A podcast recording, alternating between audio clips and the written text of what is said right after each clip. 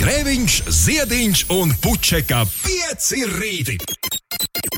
Eterā katru dienu starp 6 un 9.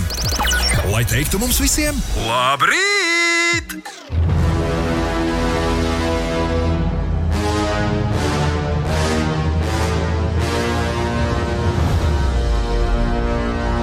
Jē, jē, jē, jē, jē.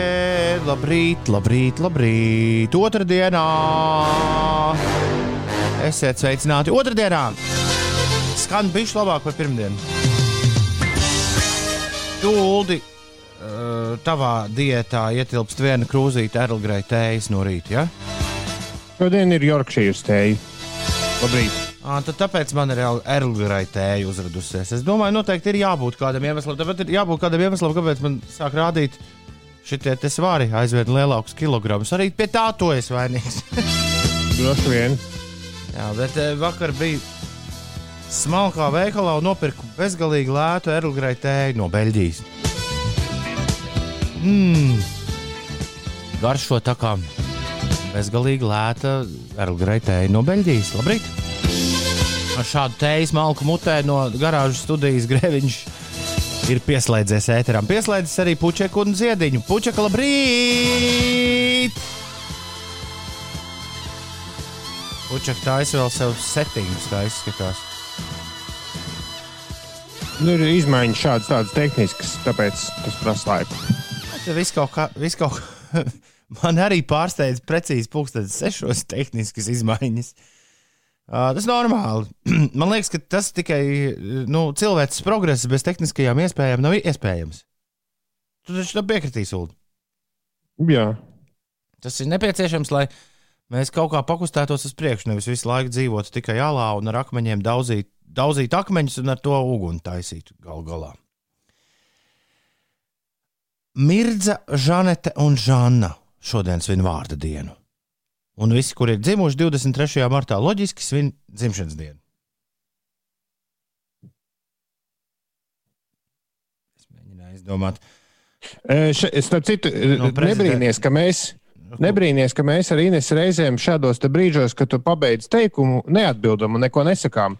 Jo mūsu pusē, tā kā mēs nedzirdam dziesmu, Jā, visbiežāk tu, tu pasaki, Mirza, Žaneta un Žana svin šodien vārdu dienu un aiziet dziesmu.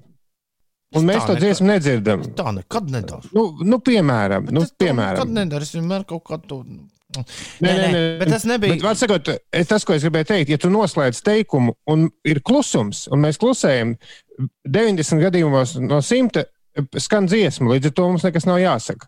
Un tās dažas reizes, kad tu gaidi, ka mēs kaut ko teiksim, mēs esam pārliecināti, ka jau skan dziesma. Nē, šajā, gadī, to- šajā Jā. gadījumā es gaidīju, ko es pats teikšu. Mēdz būt. It īpaši, Tas ja, arī pu- labi. it īpaši, ja pulkstenis ir 6, 6 minūtes.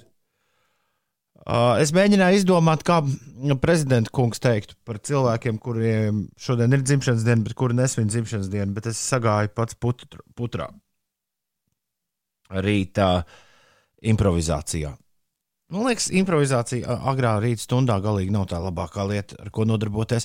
Ir septiņas minūtes pār sešiem, tāpēc bez improvizācijas atklājam šī rīta raidījumu ar jaunāko The Coral singlu. Šo sauc Lover Undiscovered. Liverpools zēni, kas jau labu laiku pārvērtušies par vīriem, turpina taisīt muziku, un viņam būs jauns albums. Un es zinu, ka es esmu pilnīgi, pavisam noteikti vienīgais, kur tas iepriecina šī ziņa. 6 un 10 minūtēs, bet, uh, nu, ja kaut kas tevi iepriecina, tad tu to nedrīkst glabāt azotē. Tāds ir noteikums strādājot arī radio. Jā, korāla jauno plats sauc Coral Island. Un tas būs desmitais viņa albums. Un tas būs klāt kaut kad ļoti drīz. Ines, mēs esam pieslēguši šeit. Labrīt, es ceru, ka jā. Oh! Hmm. Kas tā par reakciju? Mm, Drīzāk kas tie par rūtīšiem, kas tev tur fonā maizītes smēra. Klusums. Tā es arī zināju, ka būs. Jā, jā, tu vari būt tā. Nu, skaidra lieta. Mēs to ļoti labi zinām. Patrišā 6,14 minūtēs. Labrīt. Nu tā, Ir pienācis laiks, Ines, tev pastāstīt, cik augsti Pagaid, pagaid, pagaid. Ines, pasaka kaut ko. Es nezinu, ko lai es jums šorīt pasaku. Man mazliet kaitina šis rīts. Nē, jo mēs kamēr tā, mēs remontējam, Ines, jo Ines ir jauns dators. Jā. Nomainīt datoru, lai notiek rakšķi, un tur viss, kamēr iziet visiem settingiem cauri, mēs te visu dziesmu noņēmāmies. Līdz ar to Ines, man liekas, Ines, kas notiek arī nav īsti vēl gatavs, vai ne? Nu, es varu pastāstīt par laika apstākļiem šobrīd, kāda ir. Pastāst, jā, droši. Latvijā, kā arī daudz vietā vidzemē, gaisa temperatūra ir noslīdējusi līdz pat mīnus 8, mīnus 14 grādiem. Tā liecina dati no meteoroloģisko novērojumu stacijām. Zemākā gaisa temperatūra šobrīd ir alūksnes un rēzeknes pusē. Savukārt, kurzemē daudz vietā ir gaisa temperatūra aptuveni 0, mīnus 2 grādi. Austrumu novados debesis ir skaidras, rietumu novados lielākoties mākoņainas, nav ievērojama nokrišņu un bauskas pusē redzamība miglā ir samazinājusies līdz 100 metriem. Kā, jā, mums ir kāds klausītājs, Bauskas Lācis, man liekas, rakstīja, jā, ka ir Bauskas pusē liela migla. Nu, tā patiešām ir.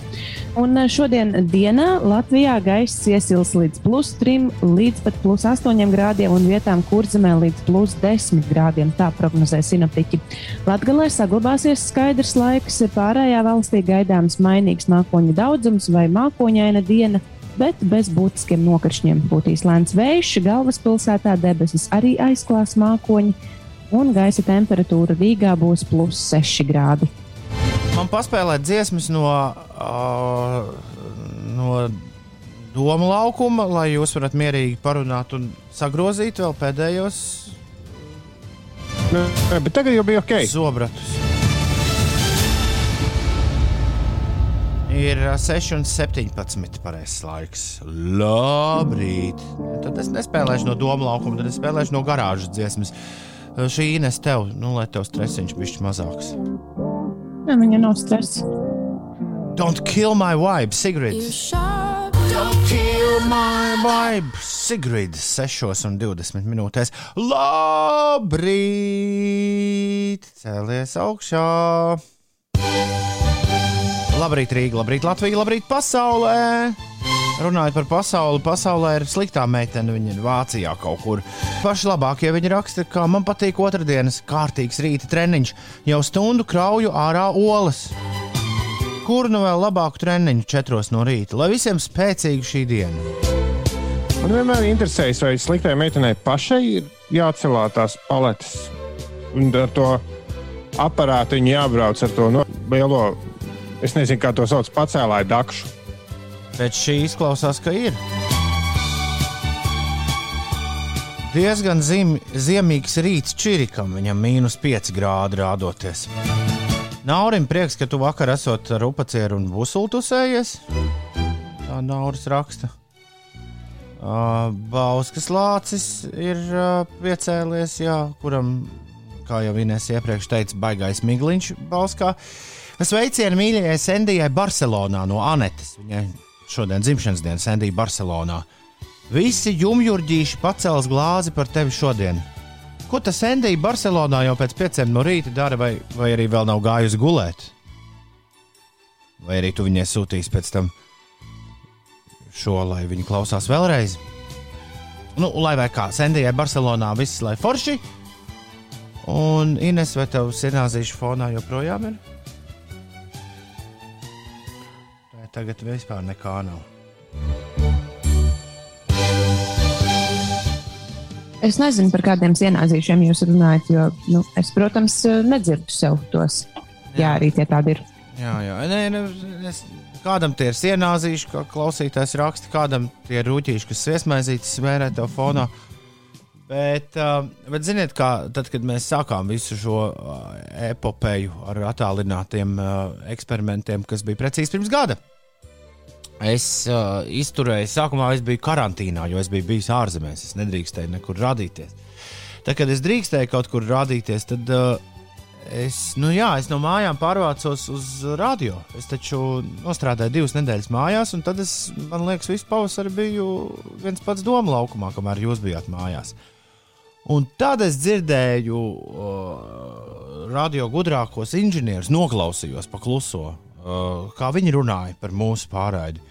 Un uh, viena no tēzēm, kas tika uh, uh, jā, pausta, bija tā, ka kamēr var saprast, ko cilvēks runā, tikmēr viss ir kārtībā. Jā, bet tad, uh, es atceros, es, es kādu pusgadu mocījos ar skaņu. Un visvairāk, vis, vis, visvairāk garastāvokli sabojāja darbie kolēģi, kuri tajā brīdī, kad tu runā, un liekas, nu, ir jau ok, saka, tev kaut kādas ienāzīšas tur skan.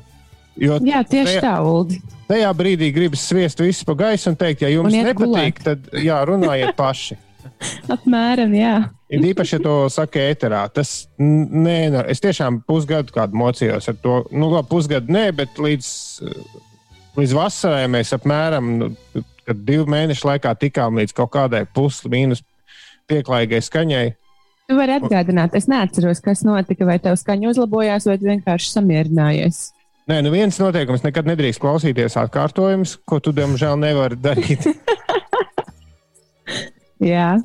Arī, arī joprojām es pie tā turos. Un otrs ir, nu, kaut kas jau mazliet uzlabojās. Mēs atradām tur optimālo variantu ar visiem savienojumiem, dažādiem. Tad vēl tā mistiskā poga, turn on original sound, kur es neatceros. Es atceros, ka man šķiet tā visu sabojāja, bet tev uzlaboja. Bet vai ir vērts tagad ēteru laikā eksperimentēt? Nezinu. Vēl, sakot, katru ja, dienu ja jums, ir, jauns. ja jums ir skaņas kartes, tad vēl ir tas turn on computer sound. Nu, share, share computer sound. Ah, ārprāt. Kaut kas tikko ļoti slikti notika. Man? Jā. Kaut, kaut ko ļoti izdarīt. Tu, Bet es neko neizdarīju. Tu kaut ko nospiedi. Tev bija roka pastiepta. Mēs redzējām. Mēs redzējām.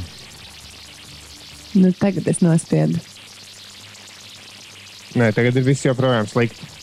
Nu, kāpēc? Bet tu būsi. Es tiešām aiziešu gulēt. Man ir tikai vēl viens jautājums, kamēr mēs esam uh, uz mazu mirkli virtuves sarunās par to, Kaut gan uh, Ineses foniņš nu jau sāk atgādināt pankūku cepšanos. Bet tas foniņš konkrētā brīdī ieslēdzās ar, ar kliku. Tagad viņš tā kā pazūd, tā kā, tā kā parādās. O, tagad tagad pazuda. Tagad pazuda. Ko tu biji? Ko tu tur biji? Es to tavu turn on, tur to nezinu, original sound spaidīju. Nekad dzīvē. Tagad tu izslēdzi vai ieslēdzi? Jā, bet tagad mm. viņš ir izslēgts vai ieslēgts? Izslēgts. Nē, ieslēgts ieslēgts. Izslēdz ārā. Ui, nē, nē, nē, nē, nē turn on. Ir tie sienāzīši. Jā, turn on. Es, es, Iepriekš man viņš arī bija izslēgts. Un tāpat bija sienāžījums. Jā. Tagad es varu mēģināt, pamēģināt ieslēgt. Oi. Ko jūs teiksiet par to? Nu, nu, mēģināt. Viens, divi, trīs. Runāju, runāju, runāju. runāju. Tu skan daudz, mainījās? jā, tu skan daudz labāk. Tu no, atcerieties, tu no basēm aizgāji tā, kā tev būtu jāskan arī radio studijā. Esot. Iepriekšējā, kad mēs šo mēģinājām, man arī skaņa uzlabojās, bet fonā bija tāds. Bet šobrīd nav, mēs... bet šobrīd nav zzz, tu skani tā, it kā tu sēdētu man blakām garāžā. Labi, tad es palieku pie šī, un Ines paliek pie bez sienāzīšu varianta. Bet man viņš. Labi.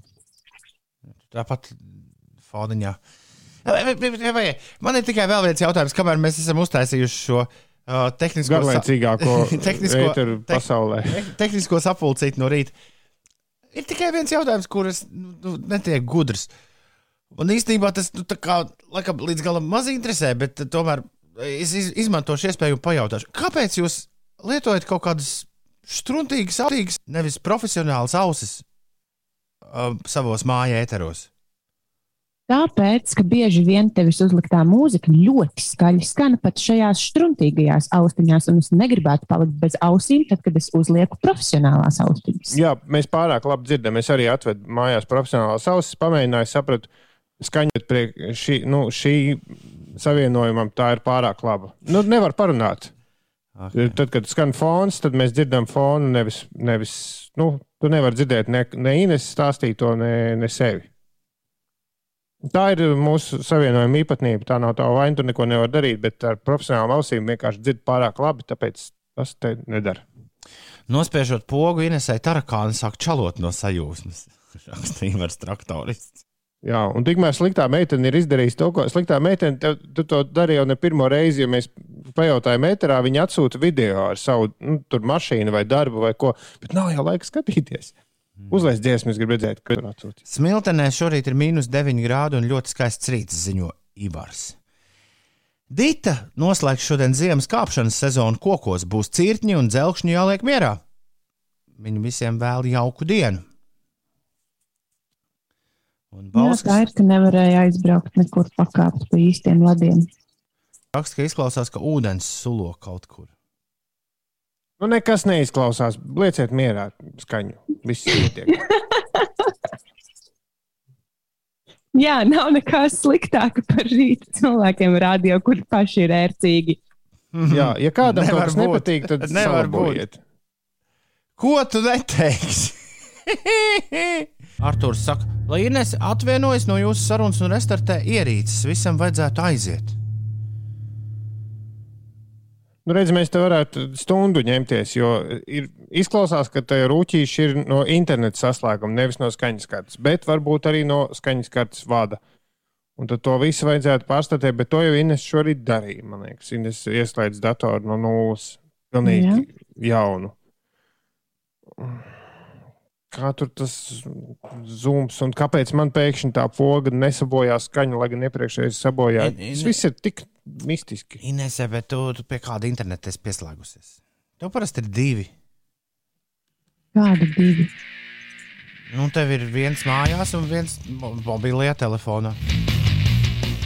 Es esmu pie sava mājas interneta pieslēgusies. Okay. Es dažreiz nezinu, pie kuras es pieslēdzies. Es kaut kur saslēdzos, tāpēc es arī tā jautāju. Nevajag, nevajag uztraukties bez satraukumiem. Ir 6,33 vai bez tehniskiem.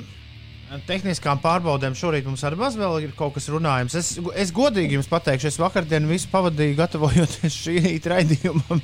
Tāpēc man īsti tajā brīdī, ja es sāktu stāstīt, ko es vakar darīju, es uzreiz atklātu kaut kādas lietas, kas nāks, kas nāks tālāk. Um, kas nāks tālāk rītā radio? Ah, nu vienīgi es aizvedu jā, savu jaunāko dēlu, kuram bija brīvdiena uz frizētavu. Viņš, bija, viņš no rīta paziņoja, ka uh, šorīt gribu brīvdienu. Un tā kā pie friziera tāpat kaut kad jāiet, tad, uh, dom, izdomājām, labi, lai notiek brīvdiena un pēc visām savām sapulcēm, pulksten divos dienā, vakarā aizvedu uz, uz pilnīgi tukšu lielveikalu otro stāvu, kur darbojas tikai un vienīgi frizētava. Un tas bija ļoti labs laiks, kad uh, vest, jo neviena cita cilvēka tur nebija. Nu, tā kā neviena bērna vai arī blakām pieaugušo cilvēku nekas nebija. Un, varēja mierīgi un bez steigas un bez nekādiem stresiem nofrizēties. Es esmu sapratis, ka es nespēju frizieriem paskaidrot, ko. Jo, nu, man, man šobrīd man tiek prasīts, ka bērni tiek frizēti. Man tiek uzdots jautājums, nu kādu tad uh, griezumu griezīsim? Normāli. Un iepriekšējā reizē es ieraudzīju, tad, kad es biju vecāko dēlu aizvedis, es uh, aizgāju uz 20 minūtēm pastaigāties. Es nepaliku. Tas, tas bija citā frizētavā. Es nepaliku frizētavā, es aizgāju paskatīties, pastaigāties. Dēls liels, pats gudrs, viss kārtībā. Var nosēdēt. Nav tur tētim kaut kas jāprasa visu laiku. Atnāku atpakaļ. Un es saku, frizierēji, viņi pat pikti gal, gandrīz palika. Es saku, bet nu, no ausīm varētu tos matus nu, ņemt un apgriezt. Pagriež, pagriež, pagriež. Nu, vai ir labi? Es saku, nu, nē, nu, vēl, vēl vajadzētu paņemt. Nē, paliek pi vēl piktāk. Tad es domāju, nu, ko tu man prasi? Nu, tad tu nu, uzgriez, kā, nogriez, kā tu vēlies, un kā tev šķiet pareizi un viss. Viņi bija droši vien izdomājuši kaut kādu konkrētu frizūru. Un... Vai arī tu vienkārši nemācēji paskaidrot? Es arī esmu bieži vien domājis par to sadarbību starp klientu un frizieru. Bieži vien varbūt mēs paši neprotam paskaidrot tā, lai tas otrs cilvēks saprot. Jā, nu, Mēdz būt valodas barjeras. It īpaši, ja mēs par bērnu frizieriem runājam. Uh, jā, jā, jā pavisam īsi. Nu, nu. jā, jā, jā. Kā jums nogriezt? Uh, jā, jo savukārt. Uh, jā, bet, nu, no, ah, A, šis ir interesants. Es nezināju, ka bērnu frizieri ir tādi. Nē, nu, ja es nebūtu, ja es bišķi, ja es bišķi nebūtu žmoks un, tad, tad jau droši vien, tad jau droši vien viss būtu, būtu labi. Bet, uh... A, ir kaut kāda viena fancy šmencija frizētāja, kur ir, nu, kur ir tā kā, nu, tā glaunā Nē, nu ir viena, ir viena fancy šmēnsīga frizētā, uz kurien varētu viņus vest, bet nu, tur uzreiz būs. Kur dod šmigsboks un ko tur jāspēlē? Nē, mašīnītē sēdi iekšā. Nē, tieši otrādi. Tagad es vedu jaunāko, es vedu uz tādu, kur mašīnītē sēž iekšā, sēdi iekšā. Tur, kur mašīnītē sēdi iekšā, tad uh, frizieris nemaldos 15 eiro. Uh, jā, frizūras uztaisīšana. Tad rajonā te ir, bet uz to tikai vecākais. Nu, kādu bērnu Ines un Ulu bērniem, nu, viņiem ir katram sava kaut kāda fiška. Vecā, vecākais ir ar mieru iet uz tādu, kur 12 eiro maksā frizūra. Bet, ja, ja es tur fancy švensī, kur latviešu meitenes smuki ar viņiem, nu, čū, čū, čū, čū, čū, izčučinātos, tad tas būtu 25 eiro. Nu, līdz ar to, bišķi, to budžetu rēķinot, tad nu, es labāk izvēlos 15 un 12. Jā, loģiski. Tās nu gan ir cenas bērniem. Gan drīz viens tēkraklis sanāk.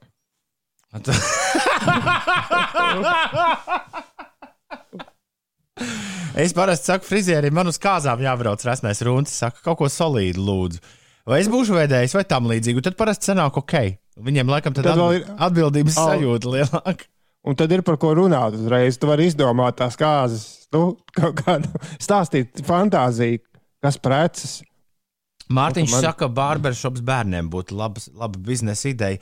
Es, es esmu gatavs kā radošais direktors. Šad, ja kāds gribēs uzcirst kaut ko tādu, es esmu gatavs piedalīties kā radošais direktors. Es apmēram iedomājos, kādam sviestam tur būtu jānotiek. Tur skaļai mūzikai, tur Minecraft plakāti un tā tālāk. Inese, Ivars traktorists prasa, vai tev nav sazemētās iekārtas?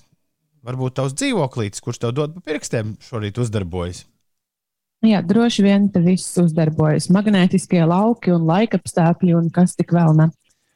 Ārtis saka, dzirdot cenas, labāk matu mašīnīti nopērts. Nē, nu vispār ņemot vērā, ka laika jau tagad ir, vai ne? Atliku likām, varētu arī kaut kādos online frizieru kursos iziet, no, paiet, jā. Bet, bet kā tas būtu, ja mēs katrs pēkšņi sāktu darīt visu nu, citu cilvēku vietā? Ko darītu tie nabaga cilvēki, kuri ar to naudu pelna? Nu, iedomājies, tu tagad sāktu pats sev rīt radio spēlēt. Bērn, priekš kā man klausīties šito? Pats uzlikšu sev dziesmas, pateikšu, cik ir pulkstenis, un tā tālāk. Mārtiņš, Mārtiņam vēl viens joks. Viņš saka, vēl var frizērim prasīt, man lūdzu, kā jubaltam, tikai mazliet kuplāk. Bet tā, bet tā ir, jo agrāk tu sāc nesāt jubaltu frizūru, jo ilgāk tu izskatīsies jauns. Jo tie cilvēki, kam nav matu, tie cilvēki šķietam nenoveco. Nu, līdz kādam brīdim, bet tas brīdis pienāk diezgan vēlu.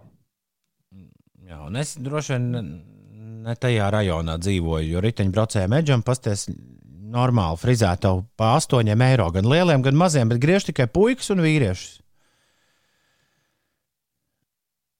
Pēterim par tēkraklu ļoti patika joks. Par frizieru arī labs. Uh, meitai patīk matus uz pasākumiem frizētavās taisīt. Apgriezt galus neļauj, bet puisītis trīsgadnieks ar prieku brauc pie friziera. Draugam sieva ir friziera.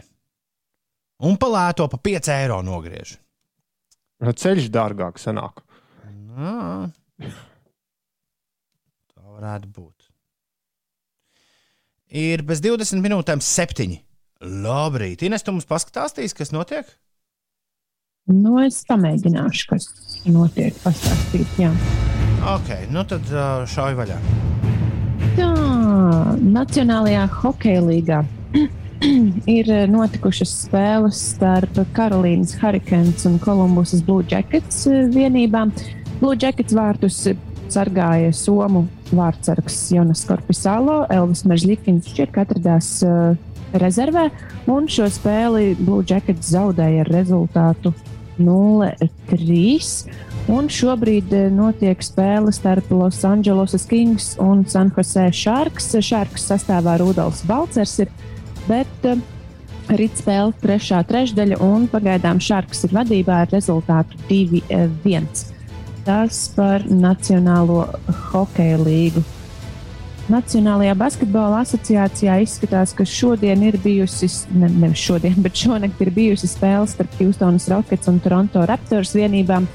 Rockets ar rezultātu 117 pret 99 pārspēja Raptors spēlētājus. Un, ja mēs par Houstonas Rockets runājam, kurā spēlē uh, Rodions Kūruts, tad Latvijas basketbolists ir atzīts par vainīgu administratīvā pārkāpumā, taču izbēdzis no barga soda mēra, tā ziņo The Athletic.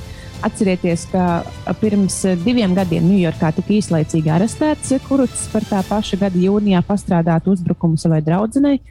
Un šo, šajā visā laikā ir bijušas uh, tiesas sēdes vairākas, un tagad ir nolemts, ka Kuruts uh, izcietīs nosacītī piespriesto sodu. Viņam ir jāaiziet 16 nedēļu programma, kurā piedalās vardarbībā ģimenē apsūdzētas personas. Viņam ir mm jāaiziet tādi kā kursi. Rekā. Trīs dienas jau kurus Milwaukee boks spēlē. Mārtiņš uh, raksta. Nu, tā ir, jā. Mums... Ok, es atvainojos, jā, es mazliet piemirsu. Jā, viņu aizmainīja taču. Bet uh, Milwaukee boks arī ir bijusi spēle starp Indiānu Spacers. Uh, Milwaukee ir uzvarējuši ar 140 pret 113. Paga, pirms tam, pirms viņu aizmainīja, mums visām, visas komandas bija, es atvainojos, bet uh, nu, uh, šausmīgā līmenī. Kur die... NBA līmenī Nacionāl... Nacionālās basketbola asociācijas kopu līmenī bija diezgan traki. Bet Milwaukee boks mums ir playoff komanda, mīļie draugi vispār notiek tādi kā juku laiki, jo es vakar dzirdēju, ka arī Dāvidas Bērtāna kaut kur plāno mainīt. Un pirms vēl ilgāka laika bija arī baumas par porziņu maiņu. Kā tur visu laiku notiek kaut kāda rotācija. Nu, kāpēc nevar nobāzēties vienā komandā un spēlēt visu sezonu? Tā tur nevar. Tur, viņiem, man liekas, tur, tur cilvēki, kur ir atkarīgi no tā, ka vajag kaut ko pamainīt. Jo vienmēr taču var labāk, vai ne? Nu, man liekas, ka tāda ir tā amerikāņa, amerikāņu sporta menedžera pamatīdeja.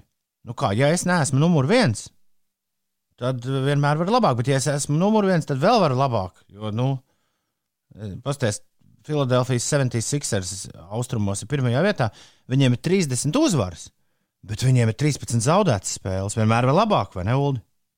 Nu jā. Man liekas, ka tur tā spēlētāja mainīšana ir ļoti liela dolāru bīdīšana un viss. Nu, par, par mazāko naudu dabūt lielāko baudu kaut kā tā. Nu, katrs mēģina, katra komanda. 6,44 minūtes. Labrīt!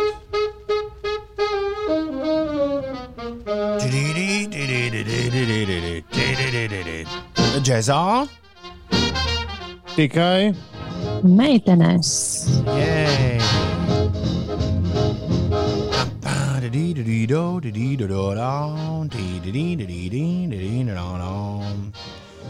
Nē, nu tā jau arī ir. Uh, Mēs vakar aizrunājāmies par faktu, ka Ziemeļvalstu ministru padomus biroja Baltijas valstīs šogad svin 30 gadu jubileju, un šodien ir uh, uh, Ziemeļvalstu diena. Un, uh, un, un, un, un pā, pā, šis, šis fakts nedaudz aizskars šī rīta raidījuma uh, pēc rīta. Un viens no faktiem, kas ieskārās un ko es nekādīgi nevaru mainīt, pat ja kaut kas mainās scenārijā, ir uh, rubrika džēzā tikai veitenis. Kur bija doma uzspēlēt kaut ko no Ziemeļvalstīm. Un jāteic, ka no Ziemeļvalstīm mēs ik pa laikam kaut ko no Ziemeļvalstu džēzā jums uzliekam. Pavisam nesen es atceros, es spēlēju no Jimmy Tenora svaigākās plates, no Somu džēza saksofonista svaigākās plates vienu gabalu. Un vakar Ulas teica man, ka vajago, vajago kaut ko no, kā tu, kāds bija tas, tad grīgu teica, bet kāds... Kaut kādu mūsdienu grīgu radinieku vai kaut kā Jā, tā. ka vajag, vajagot kādus grīgu radiniekus man uzspēlēt. Un, un pirmā lieta, kas man ienāca prātā, un tad Ulas uzreiz man apstiprināja, ka mēs neesam šajā rubrikā nekad viņus spēlējuši kas man gan ļoti izbrīna, ir Norvēģi eksperimentālie džekmeņi Jāga Jazist. Uh, tā, viņus, tā viņi vismaz paši sevi uh, izrunā, kurus es, kur ļoti iespējams ir pirmie eksperimentāli džekmeņi, kurus es jebkad savā mūžā esmu redzējis dzīvajā. Ap 2005. un 2006. gadu es atceros, ka Jāga Jāzis reiz noslēdza manu programmu. Vienā no tādiem ļoti intensīviem mūzikas festivāliem, Pukelpop festivālā. Jāga Jāzis bija tieši noslēdzošajā dienā, vienā mazā skatuvē, kā, kā noslēdzošais uh, ansamblis. Liels, liels uh, orķestris ar visādiem vīriem, kuri dažādus instrumentus spēlē. Un uh, Jāga Jāzis nonāca jā, 21. gadsimta sākumā visu cilvēku uzmanības centrā, jo viņus izdeva tāds eksperimentāls hip hop labels uh, Anglijā, Ninja Tune. Un, uh, un, un, un gan džēza pasaules cienītāji, gan hip hop pasaules klausītāji visi vienojās, ka tas, ko šie čaļi spēlē, uh, nu, tas uh, riktīgi ir kaut kas uh, tāds, ko neviens iepriekš vēl nav nav dzirdējis. Viena no viņa plašākajām platēm ir We Must, kas iznāca 2005. gadā. Man liekas, tieši tās pasaules turnīras ietvaros arī es viņus pirmoreiz redzēju. Bet, uh, šodien uzspēlēsim vienroci bandītu. Man liekas, viena no tādiem pieejamākajiem viņu skaņdarbiem. Uh, vīri no Oslo, kas sajauc kopā postroku, progresīvo roku, future jazzu, jazz fusion un sauciet to vēl visu kaut kā. Šorīt uh, Jaga Jazist no Norvēģijas, One Arm Bandit. Džezā tikai meitenes.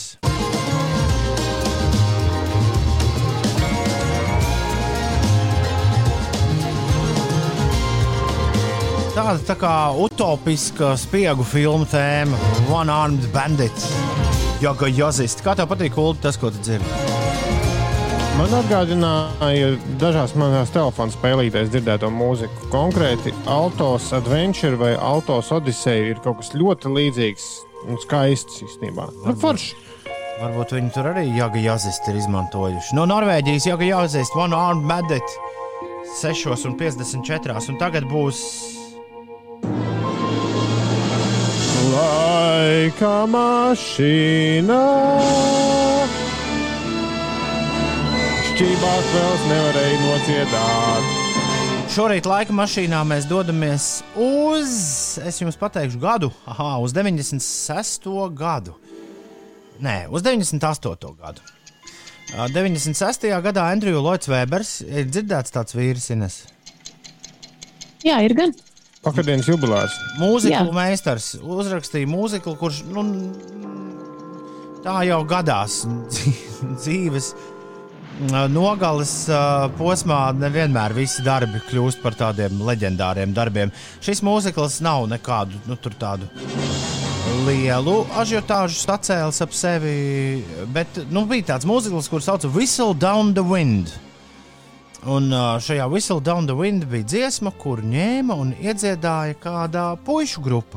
Un dziesma kļuva varena populāra arī valstīs, piemēram, Latvija, kur neviens par tādu Whistle Down the Wind neko nebija dzirdējis.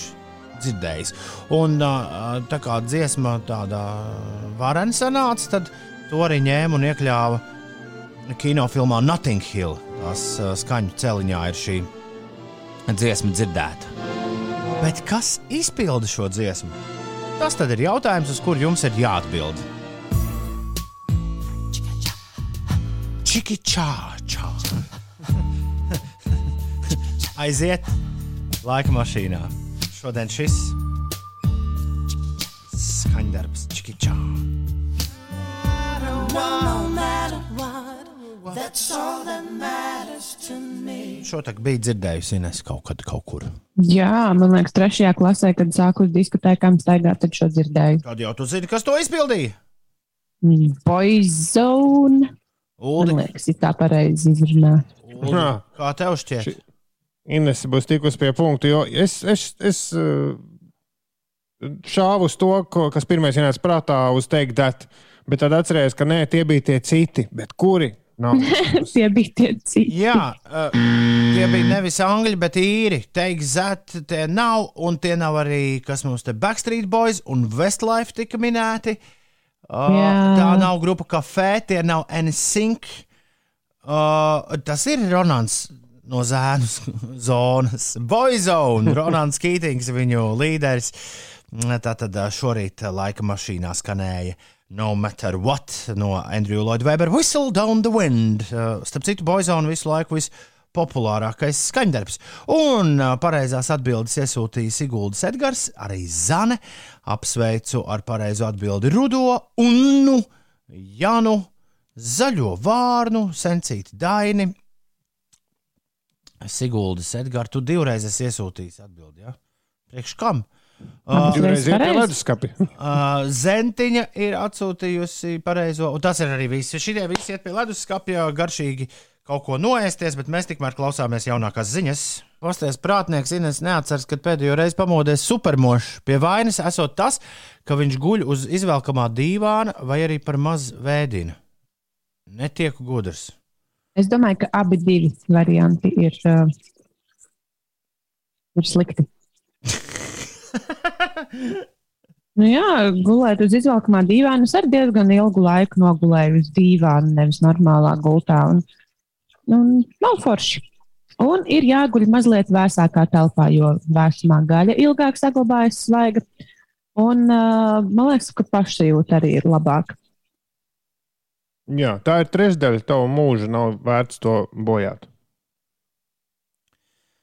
Astoņas minūtes pāri septiņiem ir pareizais laiks. Nebojā savu trešdaļu mūžu. Klausies piecus rītus. ha, ha. Uhu. Tā, uh, otrdienā esam mēs visi satikušies. Otradien, 23. marts šodien. Johaidī! Tūlīt būs aprīlis. Pēdējais brīdis. Lieldienas. Pēdējais brīdis sāk domāt. Lieldienas mēs vēl paspēsim, bet tagad jāsāk Ines domāt. Uh, pirmkārt, kur pūpoles dabūt, lai var nopērt kādu svētdienu. Nu, un, lai Pūpoles es redzēju. lai Es arī redzēju. Lai tas apaļš kā pūpoles.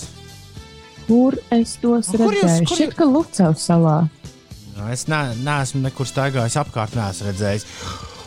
Un, uh, un, un jāsāk 1. aprīļa joki domāt, kuram atkal kaut kas uz muguras būs uzķāpā, uzķāpāts. Oh, lūdzu, izdomā kaut ko labāku par šiem tipiskajiem aprīļa jokiem. Šodien mirdzē Žanetei un Žanai ir vārda diena. Arhitektei Zāgai Gailai daudz laimes, Latvijas Nacionālās operas solists soprāns Ieva Viļņumas viņa dzimšanas dienu. Vitai Baļķunaitai, aktrisei daudz laimes, un no dzelzceļa vilka taustiņnieks Kaspars Tobis svin dzimšanas dienu. Dzimšanas diena arī Čaka Hānai, Demonam Albarnam no Blur un Ricardo Zontam, brazīliešu uh, ātrbraucējam. Un Edgars šodien dzimšanas diena daudz laimes. Edgar, uh, Edgars ir Lindas vīrs, vai ne? Jā. Jā, Daudz laimes, Edgars Lindas vīrs, lai tev viss šodien feini. Uzmini dziesmīnes. Par siekalu. Jā? Nē? Tining! Pareizi! Mums iespējams drīz būs randiņš ar būvu, Ines. Forši. Viņa iespējams kādu rītu pieslēgsies mūsu zūmiņām. Tā varētu būt Ulu, vai ne? jā, jā, jā, jā tas tik kārtots. Tad mēs ar šo lēdi iepazīsimies bišķi vairāk. Tā bija jaunā un daudzsološā latviešu dziedātāja būva. Lūdzu, teica, ka esat nērti rakstīt to U ar diviem gariem U. Uz klaviatūras parastās. B, U, U. Sanāk piecas zīmes trīs vietā. Nu, tas, tas arī viss nērtums. Ne? Ja tev ir vēl kādi citi apsvērumi. Nu, Tev ir vispirms lielais B jāuzliek, tas ir shift B. U. Jā, nu, šīs ir pārāk daudz pirkstu Nopo- kustības, ka nopūlēsies. nepārtrenējas. Ne? Tiešām, Nu, tā tiešām. lēkāšana no uz- pirksti ļoti. Redzi, ja būtu tāda shift poga garumzīmēm, gan jau, ka ir kāds uztaisījis, eh, tad būtu vieglāk, bet tad ir jālēkā U un U, un tu lēkā starp to semikolu un U, un semikols un U. Katrīna, Labi, ka, no, labi, ka nav B, jo tad būtu vis tālāk, vai bā, tad būtu pavisam grūti. Uh, Katrīnai ir problēmas ar dziesmas tekstu. Man īstenībā arī, bet uh, mēs sagaidīsim randiņu ar būvu, un tad mēs viņai visu kārtīgi noprasīsim. Jo Katrīna prasa, ko viņai daži pārmet, ka pingvīniem māja deg. Man pārmet, ka pingvīniem māja deg. Lieliski! Daži man pārmet, ka pingvīniem Tu ne, vēl nedziedi virsū. Uzliec vēlreiz. Daži man pārmet, ka pīvināju. Daži man pārmet, ka pilināju, vai ne? Nē, vilināju. Man liekas, ka pilināju. Ko tad viņi pilināja? Siekalu. Nu, jā, Nē, daži nu, daži man pārmet, ka pilināju, bet man tikai ka sēkā. vilināju. Daži viņai pārmet, ka viņa vilināja. Vislabāk patīk, ka pingvīniem māja Pārmet, ka pingvīniem māja deg. pingvīniem. Absurdās dzējas labākie paraugu demonstrējumi pingvīniem māja deg. Uh, 7 un Tā 15. mājā diez dzīvo pingvīni. Klau! Ulds vakar uh, bija dusmīgs, ka viņš atvēra vienu mūzikas straumēšanas servisu. Viņam tur Justins Bībers rādījās priekšā. Nē, es nebiju dusmīgs. Kur, kurā brīdī dusmīgs? Es cerēju, ka tu būsi, būsi bijis dusmīgs. Nē, bet uh, Justins Bībers ir atgriezies. Tā ir taisnība. Justins Slavens, kļūst. Viņš atkal ir kļuvis slavens. Par viņu ir uzzinājuši visādi jauni cilvēki, kuriem iepriekš par viņu neko nezināja. Viņam ir jauns globāls supergrāvējs. To sauc Peaches, un tas izklausās šādi. tik dziedi, dziedi tā. Šitā forša. Dziedi, dziedi, tā dziesma. Trijāna Park, pirms tam arī nekāda vaina Bībera jaunajam gabalam. Es pat, es pat, es pat iedomājos, ka kāds Bībera haters teiktu, beidzot kaut kas, ko var paklausīt. Bībera jaunais. Uh, globālais grāvējs Pitches skanēja pirms mirkļa, bet, ja tu tikko atvēri acis un ieslēdz radio, iekāp mašīnā un uztaisīji, tad uh, Bībers tev būs jāklausās kādā citā reizē, jo nu, miera jau no viņa nebūs. Tas nu, ir skaidrs, kopš viņu pirmo reizi mēs YouTube ieraudzījām. 7,22 minūtes ir pareizais laiks. Nē, es negribēju nolemt runāt šajā rītā. Nebūtu, nē. Ines, pastāst, kas notiek. Vācija uz lieldienām ieviesīs mājas sēdi no 1. līdz 5. aprīlim, lai tos apturētu straujo inficēšanos jā, ar jauno koronavīrusu. Un kā mēs vakar iemācījāmies, tad Vācijā arī uz šo akas un publiskas ūdens iegūs vietas uz šiem svētkiem. Eh, Šodien Rīga būs starp tām Eiropas Savienības galvaspilsētām, kas godinās Grieķiju. Tās eh, 1821. gada revolūcijas ir 200 nu, gada dienā un izgai- izgaismos eh, Rātsnamu Grieķijas karoga krāsās. Un, eh, kā jau iepriekšējā pusstundā runājām, tad šodien ir Ziemeļvalstu diena. Savukārt šajā gadā Ziemeļvalstu ministru padomas biroja Baltijas valstīs svin 30 gadu jubileju. Tad nu, par godu šai jubilejai un šajā te, uh, dienā Ziemeļvalstu ministru padomas birojas Latvijā kopā ar Igaunijas kolēģiem ir izveidojuši izglītojošu tiešsaistes spēli par Ziemeļvalstīm, un šo spēli sauc par Ziemeļspēli. To var spēlēt gan vienatnē, gan ar, ar ģimeni kopā, vai pat izaicināt eh, draugus uz kādu virtuālo maču, pārbaudīt savas zināšanas par eh, Ziemeļvalstīm. Spēli var atrast eh, Kur- Ziemeļvalstu ministru padomas biroja mājaslapā. Tā ir norden.lv. Paldies! Pagaid, pagaid, pagaid. Es gribu pārbaudīt mūsu zināšanas par Ziemeļvalstīm. Ko mēs zinām par eh, Ziemeļvalstīm? Cik tur ir jautājumu vienā spēlē? Desmit jautājumi. Daudz. Un uz katru jautājumu četri atbildžu varianti. Tas izklausās pēc Toma testa. Uzspēlējam trietā, vai mēs varam savākt kaut cik jēdzīgu punktu skaitu? Iespējams, ka visi Vienkārši kopā? vienojamies par, vienojamies par atbildi. Ja? Nu, jā, Ah, tad- vienojamies par atbildi. Nu, labi. tieši tā. Es spiežu sākt spēlēt, spēlēt vienatnē, aiziet. Karalienes modes zeme ir Norvēģijā aizjūras teritorija. Pastāvīgi tur neviens nedzīvo, un to reti kāds apmeklē. Kāpēc? A. Tā atrodas uz mēnesi, B. Tā bija kodola izmēģinājuma vieta, C. Tā ir izdomāta zeme, D. Tā atrodas Antarktikā. Karalienes mod, modes zeme, Norvēģijas aizjūras teritorija. Tātad tā ir saku- būt Antarktika. Antarktika. Liekam uz Antarktiku. Un tā ir pareizā atbildē. Yes. Kurā no šīm ziemeļvalstīm nav sava karaļgalma? Dānijā, Zviedrijā, Islandē vai Norvēģijā? Skaidrs, ka Islandē. Jūs piekrītat? Jā, piekrīt. Jā, pieņemsim. Ir pareizā atbilde. Ilona Viklanda, vairāku Astrīdas Lingrēnas grāmatu ilustrātori, ir, dzimu, ir dzimusi kādā no šīm pilsētām. Kurā? Rīgā, Stokholmā, Tartu vai Gēteborgā? Es Jo- ņemtu Stokholmu vai Göteborgu. Ilona Viklanda. Ulu, kas tev izklausās? Gēteborga vai Stokholma? Nu, Gēteborga. Labi, paliekam pie Gēteborgas. Tā nav pareizā atbilde. Pareizā atbilde ir Tartu. Oh, wow! Lūdzu, kura Somijas roka grupa 2003. gadā laida klajā populāro singlu In the Shadows? Him, The Rasmus, Nightwish vai Apokaliptika? Derasmus. I'll be waiting! Tieši kā kāds to zina. Tiešām ir The Rasmus? Kurš no šiem tīmekļa pārlūkiem tika izstrādāts Norvēģijā? Explorer, Opera, Chrome vai Mozilla? Man liekas, ka Mozilla izklausās opera? Tu to zini? Tu zini šito, ja? Nu, sajūta saka, bet gan jau, ka Mozilla, es saku Mozilla, Ulus saka opera. Paļaujamies uz Ulu sajūtu. Es gribu redzēt, cik pat precīzi tā ir. Ulus atbild pareizi, tā ir opera. O. Somijā ir divas oficiālās valsts valodas. Tās ir somu un krievu, somu un igauņu, somu un zviedru vai somu un islandiešu. Es zinu pareizo atbildi, jūs zināt? Zviedru vai ne? Somu un Zviedru. Skaidra lieta, tā ir pareizā atbilde. Norvēģija ir pirmā valsts pasaulē, kas oficiāli ieviesusi paternitātes atvaļinājumu bērnu sēdvietas sabiedriskajā transportā, atkritumu tvērtnes velobraucējiem vai soliņus dzīvniekiem. Upsi!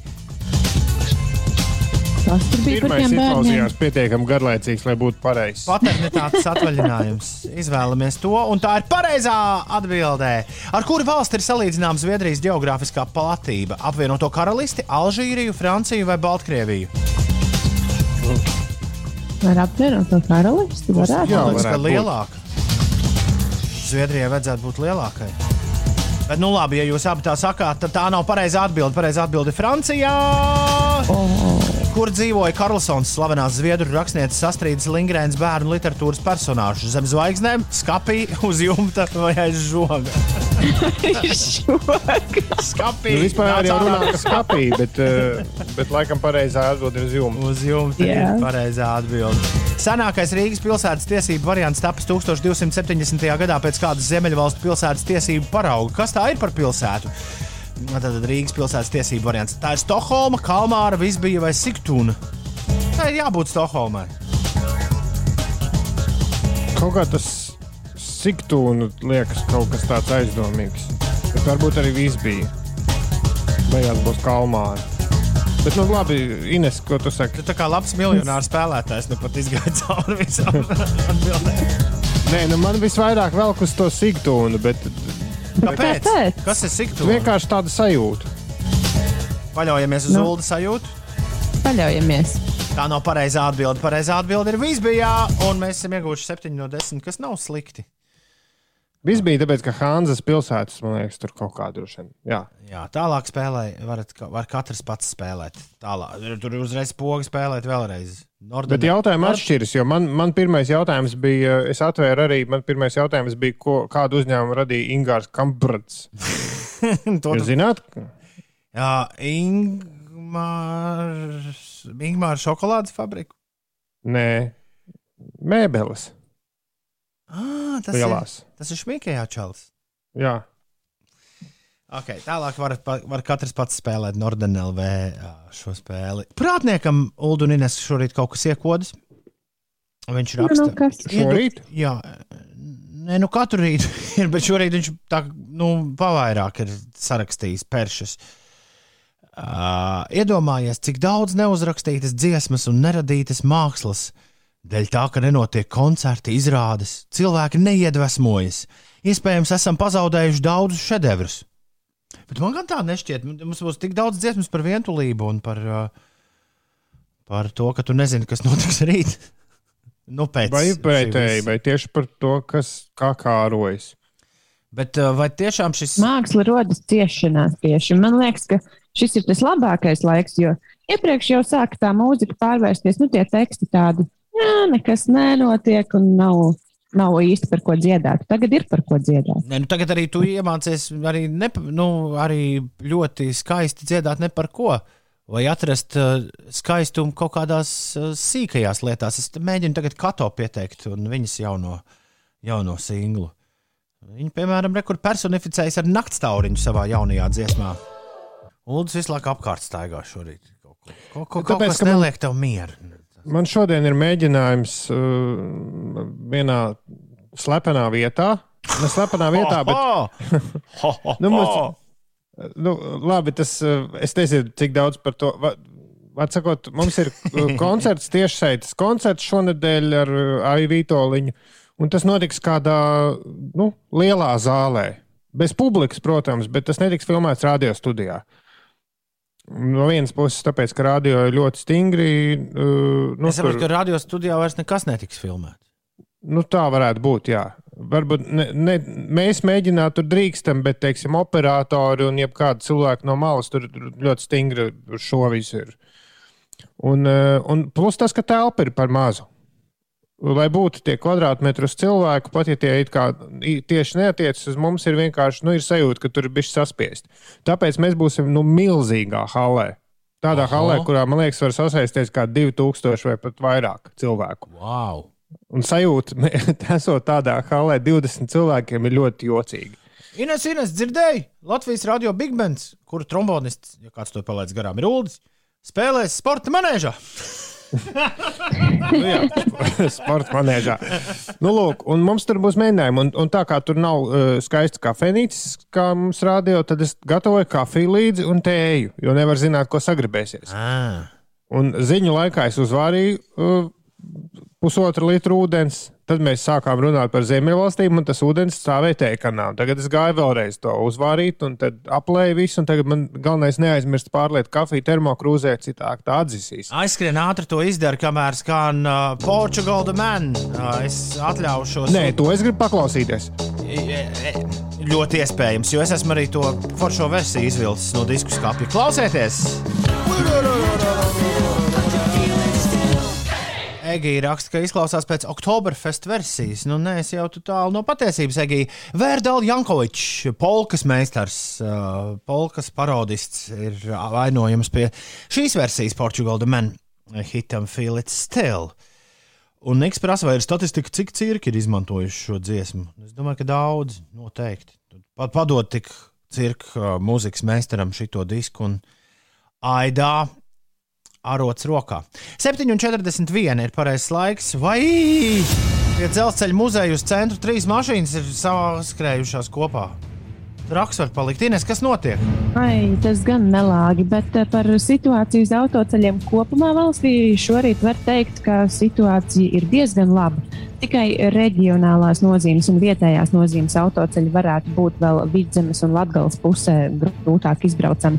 Bet tā grūtā izbraukšana drīzāk ir eh, tāpēc, ka ceļi, eh, nu, ja tā varētu teikt, tad ir eh, tādi kā uzblīduši, jeb šo dubļaini. Siekalaini. Tur tā, siekalaini, tur tā lieta. Um, tā, par gaisa temperatūrām un laikapstākļiem. Šodien, šodien pēcpusdienā gaisa iesils līdz plus 3, plus 8 grādiem, vietām kurzemē pat līdz plus 10 grādu atzīmē. Latvijā vēl saglabāsies skaidrs laiks, bet pārējā valstī gaidāms mainīgs mākoņu daudzums vai mākoņaina diena. Bet bez būtiskiem nokrišņiem būtīs lēns vējš, arī galvaspilsētā debesis aizklās mākoņi, un šeit gaisa temperatūra būs plus 6 grādi. No 2. māja varētu atsākties Air Baltica regulārie lidojumi starp Rīgu un Liepāju, kas vasaras sezonā varētu notikt četras reizes nedēļā. Martā ir atsākušies ar Baltika pilotu akadēmijas mācību lidojumi, līdz ar to pilsētas apkārtnē jau, plaša, jau pašlaik eh, notiek aktīva avio satiksme. Nu, re, ja nevaram aizbraukt eh, ārpus Latvijas, tad varēsim aizlidot no Rīgas uz Liepāju. Uh, pilnīgi gribas kaut kādu romantisku mūziķiņu atrast. Es tā arī ierakstīšu romantic music. jo es pilnīgi jau jūtu, es varu pārdot Liepājas turismu birojam jaunu, jaunu kopīraitu, kā reklamēt Liepāju. nu, nē, kāpēc ciet? Man jāraksta obligāti romantika instrumentāla mūzika. Bet man liekas, ka šī ir forša alternatīva. Es jau kādu gadu esmu domājis par to, ka tas varētu iedot atvaļinājumu Ok. okay. sajūtu, piemēram, uz nedēļas nogali. Jā, jā. Kad tu iekāp lidmašīnā, aizbrauc līdz Liepājai un, Ļoti, ļoti padzīvojies tur. Es kā kopīraiters, jā, tavu ideju fiksēju, fiksēju. un Reklāma varētu būt, es tagad pičošu Liepājas turismu birojai. Reklāma varētu būt šāda. Liepāja. Vieta, kur dzimst vējš, pasnieki un vienkārši labi ļaudis. Vienreiz nedēļā var aizbraukt ar vilcienu, četras nedēļā aizlidot ar lidmašīnu. Liepāja, alaž ar tevi. Uh, ir uh, 7,44. Man patiesībā bija cita mūzika. Tagad uh, jālaiž. Uh, kur viņi man ir? Re, kur man viņi ir? Es jūs biju izslaidis netīšām, tad pogas graizot. Jūs kaut ko teicāt? Nē, nē, viss labi. Ines par pasniekiem interesējās, kāpēc. kāpēc Es aizmirsu, kas tur stabos sēdēja. Telefoniski. Telefonisti, es atvainojos. Es pasnieku vietā gribēju teikt, Vai varēja varošu vārnu? varošu vārdu un telefonā. Jūs sapratāt. Es vienkārši ātrumā aizmirsu uh, vajadzīgo vārdu. Kā tas ļoti bieži mēdz gadīties, kad pulkstenis rāda 7,45. Jo haidī ir taču, ir taču agrs. Bet tagad pieci rīti skatās TV. Jā. Oi, Ines un Ulu. Mums tagad ir jauni noteikumi TV uh, rubrikā. Man liekas, jau kādu mēnesi. Uh, na, mēs nemēģinām kaut ko skatīties kopā, bet katrs skatāmies atsevišķi. un Tam par godu es vakar četras stundas no savas vakardienas veltīju televizoram. Bet tādi vienmēr ir bijuši noteikumi. Ka mēs katrs pats skatāmies kaut ko, nevis visi kopā. Nu, lai tā Un tad vienā brīdī tu izdomā, ka jāskatās visiem kopā, un mums ar to nekad negāja. Tāpēc mēs beidzot nostabilizējām vecos noteikumus. Bet labi, es uzreiz, No, pirms tu sāc stāstīt, es pateikšu, ka šo uh, āķi šajā te katrs stāsta, un tad ik pēc trīs nedēļām atkārtojas, bija tajā, lai tev nav jāskatās pēdējā vakarā viss. Lai tev ir trīs nedēļas laika sagatavoties. jā, jā, tā, Tā tad vakar četras tā, stundas. Tas, tā tas nestrādā. Tā tas nestrādā.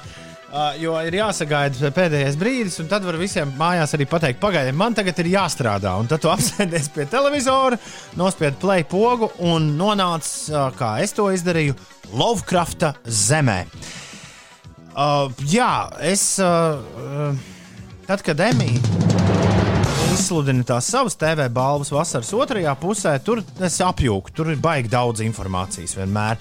Bet uh, Golden Globes balvu sakarā, kad tiek uh, nominēti desmit seriāli un tie nosaukti par labākajiem aizvadītajā uh, gadā, tad uh, nu, šim sarakstam man patīk pievērst uzmanību. Man liekas, tur ļoti labi var salikt punktus uz īja, ja kaut kas no tā, kas tur ir parādījies, nav redzēts. Un kā labākā drāma, jo viņi iedala drāmas un komēdijas divās uh, kategorijās, kā labākā drāma šogad bija nominēta, nominēts HBO seriāls Lovecraft Country. Un uh, liels bija mans pārsteigums secināt, ka es jau biju tam aci uzmetis augusta beigās, kad tas parādījās. Bet tālāk par pirmajām desmit minūtēm nebija ticis un nolicis to malā. Jo jāatzīst, ka tiešām tas pat tas seriāla sākums, tu netu saproti īsti, kas tev uz kurien tas viss ved, par ko tas stāsta, kas tur būs. Ne, to nu galīgi nevar saprast. Un vēl uh, atvainojos par kacekli, kādu pirmā pusstundu jums paies, domājot, mm, ok, jā, mm, labi, mm, ā, un te kaut kas notiks arī, vai, vai vēl kaut kā. Bet tā vietā parasti mēs diezgan klasiski šajā rubrikā vispirms izstāstām sižetu, un tad bišķi pievēršamies tur pārējām kaut kādām niansēm. Man liekas, ka par Lovecraft country ir jārunā pavisam savādāk. Lovecraft country, Lovecrafta zeme. Lovecrafts ir Amerikā slavens un klasisks zinātniskās fantastikas un šausmu stāstu autors Hovards Philips Lovecrafts. Un viņš ir viens no pirmajiem cilvēkiem uh, amerikāņu literatūrā, kurš uzbūvēja pats savu, uh, nu, uh, kā to sauc, fictional universe. Uh, Izdomātu universu, izdomātu pasauli, līdzīgi kā Ulu mīļajā Game of Thrones ir, uh, līdzīgi kā zvaigžņu kāra dzīvo, vai ne, savā, savā pasaulē, mm -hmm. kur ir savi noteikumi. Viņam arī bija sava, savu pasauli, ko saucat Hulhumisos. Neprasiet man paskaidrot, kas tas ir. Bet uh, uh, pavisam nesen, 2016. gadā, uh, autors, uh, jauns mūsdienu autors, Matthew Terons Rofs, izdeva savu uh, zinātniskās fantastikas noveli, kuras sauc Lovecrafta Zeme. Un uh, šeit viņš ir šo Lovecrafta mantojumu salicis kopā ar rasu nedienām Amerikas Savienotajās valstīs. Un tad savukārt pēc šī romāna ir uztaisīts televīzijas seriāls. Bet tagad aizmirstiet visu, ko es jums teicu. Divi vīri, kas ir svarīgi - J.J. Abrams un Jordans Pīls. Ulu, tev vajadzētu būt, ka abi izsaka kaut ko. Jā, jā J.J. Abrams Tas ir vispār Lost un ko vēl ne? Tas Leģenda. TV, TV tēvs. Un Jordans Pīls ir uzrādījis pēdējos gados galvenokārt ar divām filmām, kuras ir uh, uzrunājušas lielu skatītāju loku. Viena arī Oskaros ļoti pamatīgi figurēja. Viena sauc Get Out. Tas bija? Pirmā bija Get Out, un tad bija As. Un abas šīs ir šausmu filmas, kuras uh, stāsta par uh, melnādaino cilvēku kopienu. Nevis nu, tā, tādas vienkāršas šausmu filmas. Un Jordans Pils ir arī stāvkomiķis, līdz ar to viņš vienmēr ieliek tajos savos darbos tādus lielus jokus. Un tagad iedomājieties, ka ir Jordana Pīla hum, uh, horors, komiskais horors. Komiska šausmu filma, bet tāda šausmu filma, kur tev vienā brīdī, nu, es atvainojos, Biks to var pietaisīt. Bet, arī, bet uzreiz nākamajā sekundē rīktīgi pasmieties par to, uh, kas tas bijis pa joku. Un pielieciet klāt J.J. Abrama, tik mīļos viņam tajā. Uh, Uh, viņam tur savs tas Cloverfield universums. Pielieciet klāt visus J.J. Abrama mošķus, kurus viņš no nekurienes domā. Šitien bija tāds ar kaut kādām 50 acīm, tāds ģindenis. Salieciet to visu kopā, un jūs tiksiet pie uh, Disneylandes attrakciju cikla. Es tās šo seriālu sauktu, kuram īsti sižetam nav nekāda nozīme. Bet visu laiku tu dabūsi gan labi izsmieties, gan arī dzen, riktīgi nobīties, gan paskatīties uz mošķiem, kurus kāds ir uh, pamatīgi sadomājis. Man liekas, ka tā ir. Nu, precīzāk par šo pat nevar izteikties. Un, un, un tas mm, ātri vien tur kāpj pāri šis seriāls parastām šausmu filmu kaut kādām klišajām.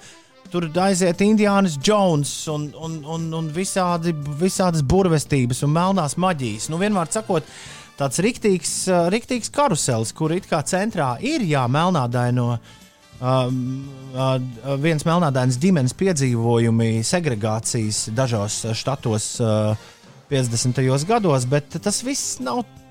Tas, tas viss galīgi nav svarīgi. Jo svarīgāks ir tas, kas tur, kas tur notiek, un tas ierauj. Lai arī varbūt tas, ko es jums stāstu, izklausās bišķi pēc murga, tas ierauj, un to skatīties ir, ir tīrā bauda, es jums teikšu. No desmit eksistējošajām sērijām ar četrām es tiku pamatīgi galā. Vai no tā ir kāda liela jēga? Nu, īsti nē. Vienīgais, par ko es biju aizdomājos, un ko, kādu pēcgaršu paliek, ka tomēr nu, ļoti, ļoti dīvaini, ka kaut kur vēsturē, un ļoti iespējams, diemžēl, arī joprojām uh, eksistē un dzīvo ļaudis, kuriem visvairāk ir jābaidās nevis no tiem mošķiem, kas ir nu, šajā gadījumā fonā, nevis no kaut kādiem mītiskiem mošķiem vai, vai melnās maģijas, bet visvairāk viņiem jābaidās tieši no līdzcilvēkiem. Nu, tas par melno, balto cilvēku attie- attiecībām, jo nu, šajā seriālā diezgan izteikti melnie ir labie un baltie ir ļaunie.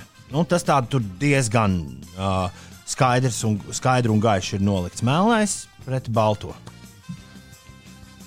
Jā, un redz, un tik jauki, ka mums ir šī sistēma ar šiem atdalītajiem.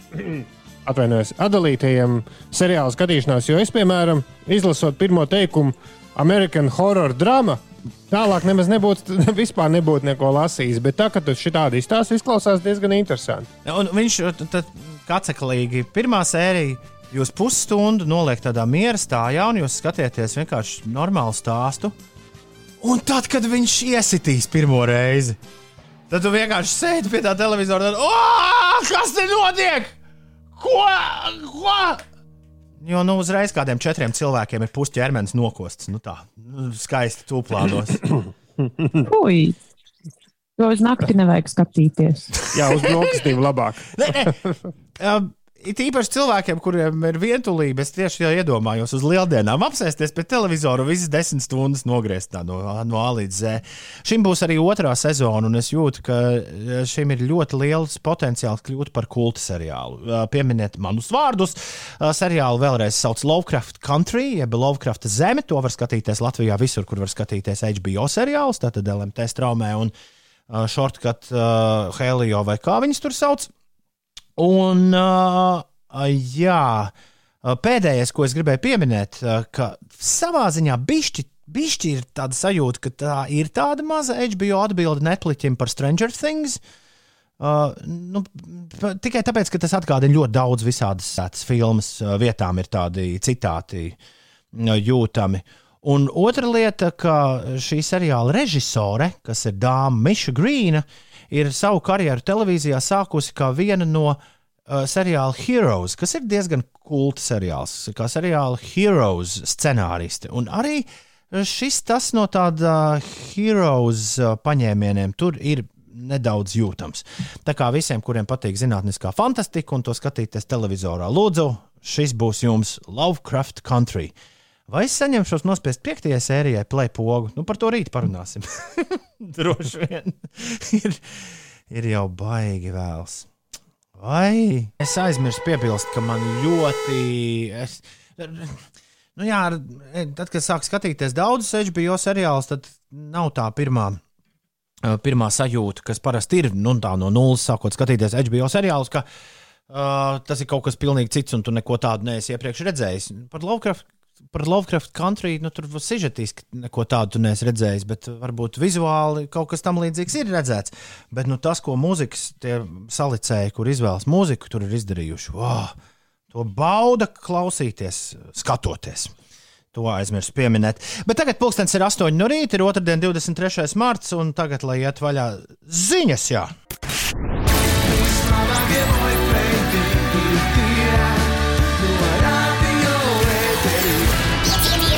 Pieci LV. Uzgriez un ir Jej! Ir 5 minūtes pārpusdienas astoņiem. Labrīt! Ja vēl kādai Latvijas pilsētai vajag uh, reklāmu, es arī esmu gatavs savu vārtu ielikt iekšā. Nu, lai Liepā nepaliek vienīgā šorīt. Bet, uh, uh, jā, pasūtījums mēs pieņemam uz 293, 202, kas ir Ines? Tu gribēji Bauskai uh, reklāmu? Nē, nē, mazliet smieklīgi liekas. Tāds pašdarbnieks pie tam vēl telefonistus sajauc ar pasniekiem un cer, ka vēl kāda pilsēta tev pieteiksies. Mm, jā, Bet galvenais taču ir darīt, nevis nedarīt, kā jau teicu. Galvenais ir būt gan augstās domās par sevi. There is no try. Do. Ines, ja, Ines, ja tu šitā turpinās, tad dabūs reklāmu pat par sevi. Ai, Šis ir nākamais līmenis pēc dzējām, vai ne? Kas tad reklāmā? Jā, ja reiz sabiedriskie mēdī ir izgājuši no reklāmas tirgus, tad mēs paši varam izdomāt reklāmas. Mēs, mēs patiesībā ar Ulu to gribējām jau sen darīt. es, jā, es, es tikko izdomāju vienu. Pagaidu, Ulu, tad, es tev uzlikšu, lai tu varētu Man ir īsi un jau gatava. Nu, jā, bet tev vajag mūziku, 5 sekundes, lūdzu. lūdzu. Kalnu saule, tā kā saule.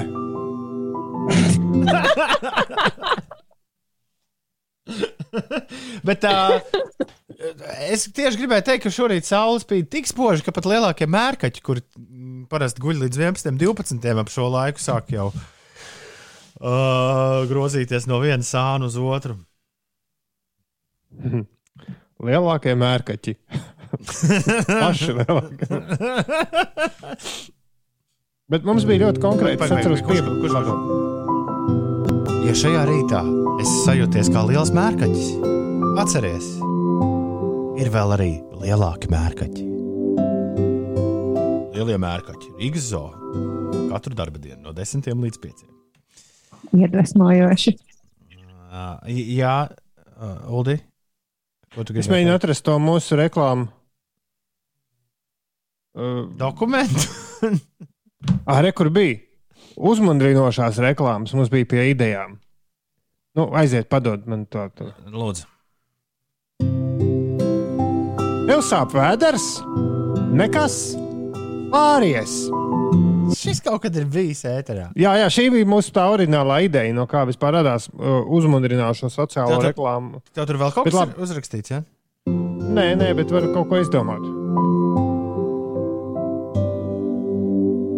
Tagad tu?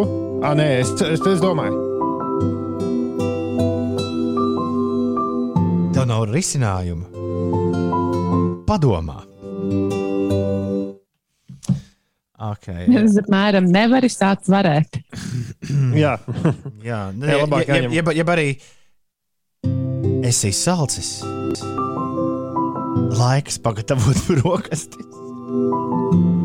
Laba doma, Tom. Labu apetīti!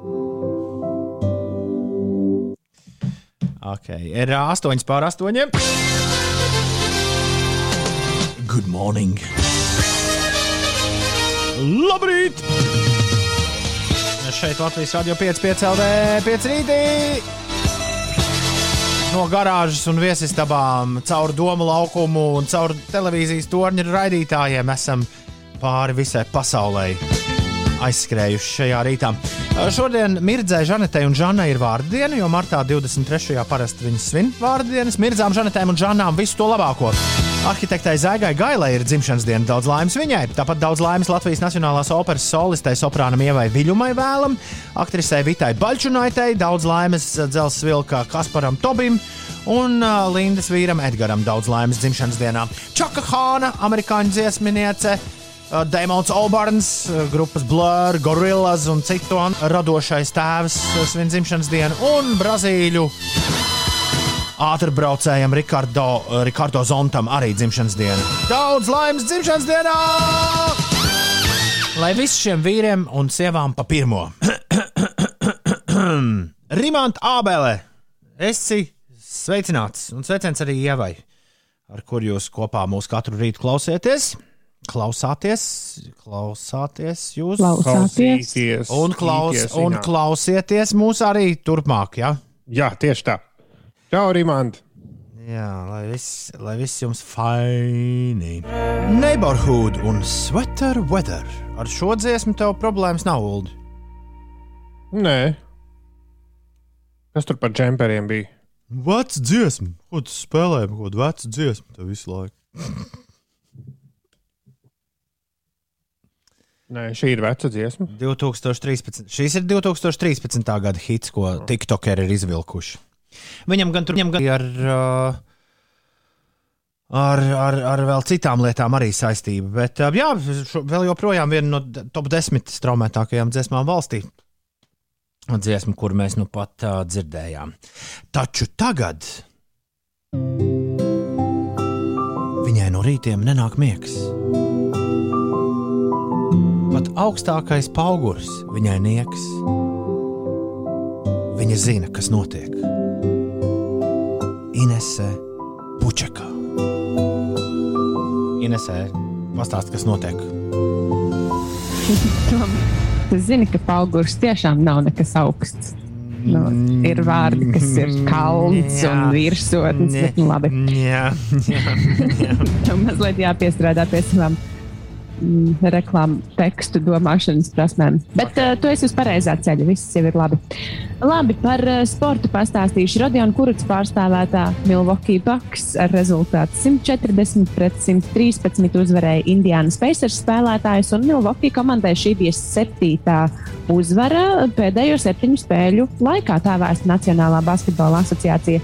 Tiesa, Kuruts šajā spēlē laukumā nedavās, jo viņš vēl aizvien atrodas eh, savainoto spēlētāju sarakstā. Un, ja mēs vēl turpinām par Kurutsu runāt, tad eh, viņam par konfliktu ģimenē ASV piemēro administratīvo sodu. Atcerieties, pirms diviem gadiem apmēram saņēmām ziņu no okeāna otra krasta par to, ka viņš ir arestēts par tā paša gada jūnijā pastrādātu uzbrukumu savai draudzenei. Tur sekoja tiesu darbi, un Dietletika ziņo, ka piekdien Kuruts atzīts par vainīgu administratīvā pārkāpumā sabiedriskās kārtības traucēšanā, kas Ņujorkā nav krimināla pārkāpums. Viņš savu vainu ir atzinis, un viņam būs jāaiziet 16 nedēļu programma, kurā piedalās vardarbībā ģimenē apsūdzētas personas. Un vēl par eh, sportu mazliet eh, Nacionālajā hokeja līgā ir bijušas spēles, eh, kur Rudolfa Balcera pārstāvētā tā, pazaudēja. Kura komanda Rudolfa Balcera pārstāvētā Sanktpētera Sharks ar rezultātu 2-1 pārspēja Los Angeles Kings, savukārt Kolumbusas Blue Jackets ar 0-3 zaudēja Karolīnas Hurricanes spēlētājiem. Tiesa, Elvis Merzlikins šoreiz vārtus nesargāja. Manuprāt, tas notika uh, pirms gada, nedaudz vairāk kā pirms gada. Vai jūs atcerieties pašu, vai jūs atceraties pašu pirmo reizi, kad uh, mēs sapratām, ka mūzika sāk iet pāri malām? Nu, es nezinu, man ir grūti šo senās mūzikas atgriešanos topā savādāk, topos savādāk uh, raksturot, kā acīm redzot faktu, ka mūzika ir pārgājusi, jau it īpaši jaunā mūzika un vispār nu, kaut kāds mūzikas radošums. Viņš, viņš tā kā iedomājas zupu, un tur ir katlam vāks, un tagad viņš iet pāri malām. Jo tā vietā, lai visu laiku mums būtu tikai un vienīgi jaunas dziesmas, mums uh, pēkšņi parādās un modē atgriežas arī senas dziesmas. Pie tam nu, jau tas notiek nekontrolēti. Vai, Bet pie, piekritīs, ka tam TikToks ir lielā mērā. Nē, nē, šaubu nav. Šaubu, šaubu nav. Šaubu nav. Uh, bet, uh, bet tas ietekmē mūzikas vēsturi šobrīd, Ulu.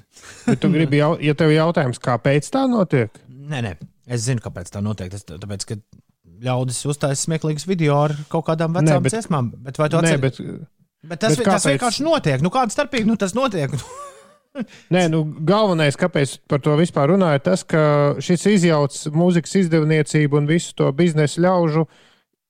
Nu, tādu to vēlamo kārtību, kā viss nu, ir arī, noticis. arī radiostaciju vēlamo kārtību. kā Nu, jā, visi notika. cilvēki, kam tas kaut kādā veidā ir jāsakārto, ir, ir nelielā vai nu panikā, vai apjukumā. Jo cilvēki vienkārši nav jau tā, ka ir patīk veca mūzika. Cilvēkiem vienkārši patīk mūzika, kas patīk. Pilnīgi vienalga, veca vai jauna. Jā. Nu, Tam beidzot ir pierādījums. Absolūti uzskatāms. Nu, jā, bet uh, vai tu atceries pašu pirmo reizi, kad mēs uzzinājām par kaut ko senu, kas uh, pēkšņi iešt, ieštūrēja topos? Mēs pat, par, uh, mēs pat taisījām video, Ines. Ā, par to, kur ķīnietis brauca. Jā, mums šis uh, notikums likās tik interesants, ka mēs to tolaik atzīmējām. Šo dziesmu gan mēs nespēlējām aktīvajā rotācijā, bet mēs uh, atzīmējām, nofilmējoties klipiņā. Kad Matthew Wilder Break My Strides pēkšņi sāka parādīties arī Latvijas populārāko dziesmu topā. Last night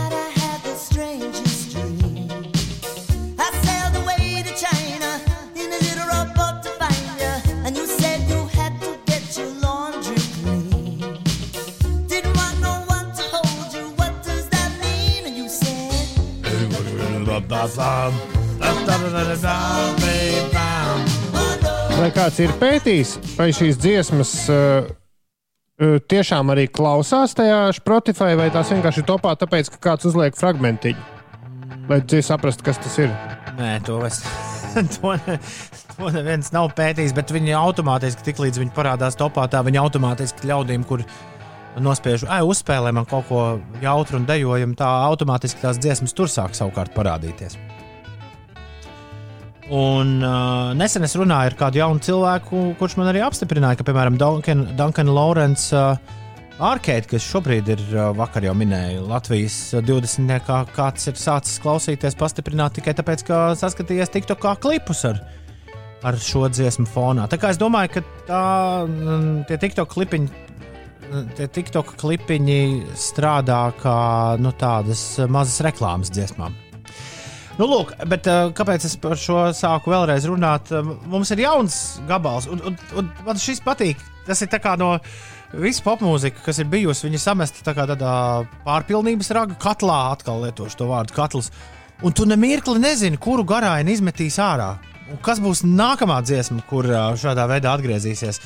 Bet aizvadīto nedēļu laikā mums ir jauns jauns supergrāvējs, kurš pēkšņi ir atgriezies pasaules uzmanības centrā, un tas nāk no 2006. gada. Un šoreiz es jūtos pavisam dīvaini, jo es biju pavisam noteikti pirmais cilvēks Latvijā, kurš nospieda play pogu šai dziesmai 2006. gadā.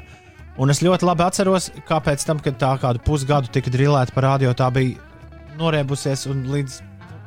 Jā, ā, varat iedomāties, līdz kurienei. Un pēkšņi šī dziesma ir atgriezusies. Es mēģināju atrast tam kaut kādu skaidrojumu. Tepat Wikipēdijas lapā dziesmē nav nekas par TikTok pieminēts. Es tikko sapratu, starp citu, uh, atziņu par to. Tu saki, atgriezusies. Bet varbūt tā dziesma jau nekur nav bijusi pa pazudusi. Nu, cilvēki jau, kam tā dziesma patīk, viņi vienalga klausījās. Vienkārši tagad ir TikToks, kur to var uh, palaist tā, plašāk tautās. Nu, Flītu Un sa- Nak jau arī pirmo reizi izvilka kāds, kurš to dziesmu zināja, nevis nejauši. Nu, atrada. Taisnība, taisnība, taisnība. Tā tu pēkšņi vari vienkārši veiksmīgi indēt pārējos, ja? ar, to, Jā. ar to mūziku, kas tev dikti patīk. Ok. Bet kas tad mums tagad ir pārsteidzis? Nu, tūlīt, tūlīt jūs to dzirdēsiet. Pēc tam no A līdz Z. 20. Tā, šī dziesma ir vakar 26. traumētākā dziesma Latvijā Spotify. Un Ines, tavs jaunības mūzika. es nekad nebūtu Ines iedomājies. Ines, es nekad nebūtu iedomājies, ka šis kādreiz atgriezīsies topos. Kur nu vēl rīt radio ēterā uz, uz droši vien tagad palikšanu uz kādu gadu? Dāmas un kungi, atpakaļ modē. Gym Class Heroes un Cupid's Chokeholds. Zāne apstiprina to, ko Uldis uh, saka, viņa raksta. Šī dziesma nebija pazudusi. Gadiem ir manā playlistē, lai forši šodienā.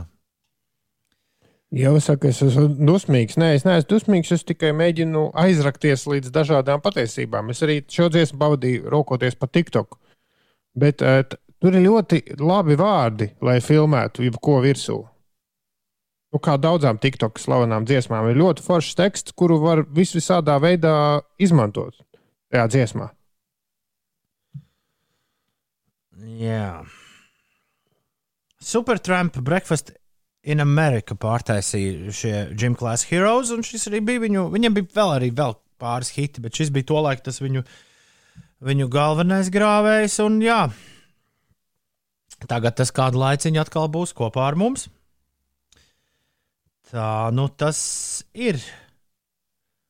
Un neko mēs savādāk nevaram šajā lietu kārtībā arī mainīt. Tā, Mārcis raksta, joprojām neliekas par reklāmām mierā. Mārcis raksta, man trešajā klasē bija jātaisa reklāma, un loterijas kārtībā izvilku šķēres.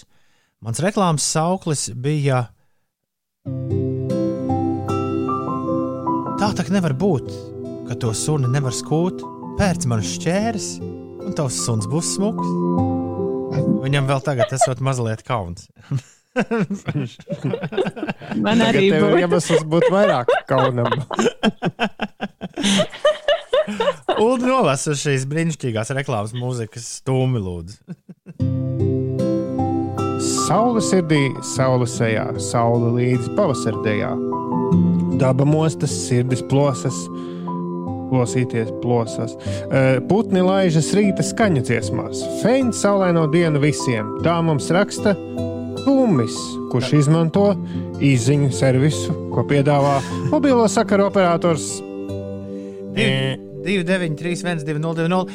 Klausies, bet ā, plosās, jo plosīties. Plosās. Jā, sirdis Plos. plosās. Īt, īties, ināt, ināties. Sirdis plosās. Nu, jā, plosās. Es apjuku, jo mostas un plosās. Inesai somā vienmēr kāds striķis. Ziņas. Tas ir viņas meistarstiķis. Virzē.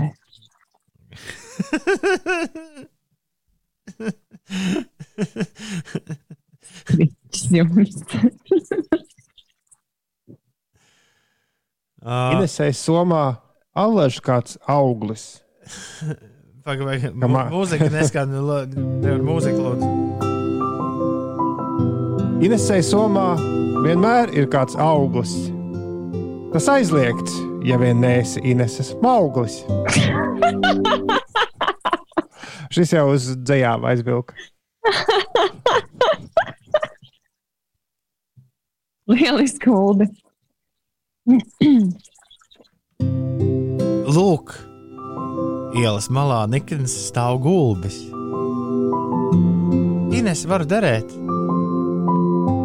To sauc Uldis. Nikns gulbis, bet tāda gulbiem jābūt uzmanīgiem. Jā. Viņi var būt nikni. Ir bez 20 minūtes. Labrīt, Ines, kas notiek?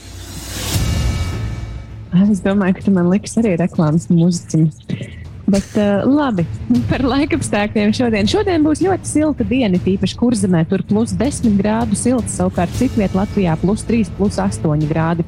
Latgalē saglabāsies skaidrs laiks, pārējā valstī gaidāms mainīgs mākoņu daudzums un vietām arī būs mākoņaina diena. Pūtīs lēns vējš, Rīgā debesis aizklās mākoņi, pūtīs lēns dienvidu puses vējš un gaisa temperatūra galvaspilsētā plus 6 grādi.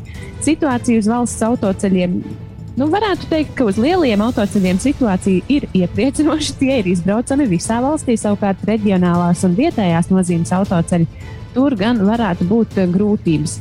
Pavasara atkušņa dēļ daudz vietā Latvijā uz Grants autoceļiem ir iestājies šķīdonis, kā rezultātā 636 valsts autoceļa posmos ar grāmatu segumu ir ieviesti masas ierobežojumi.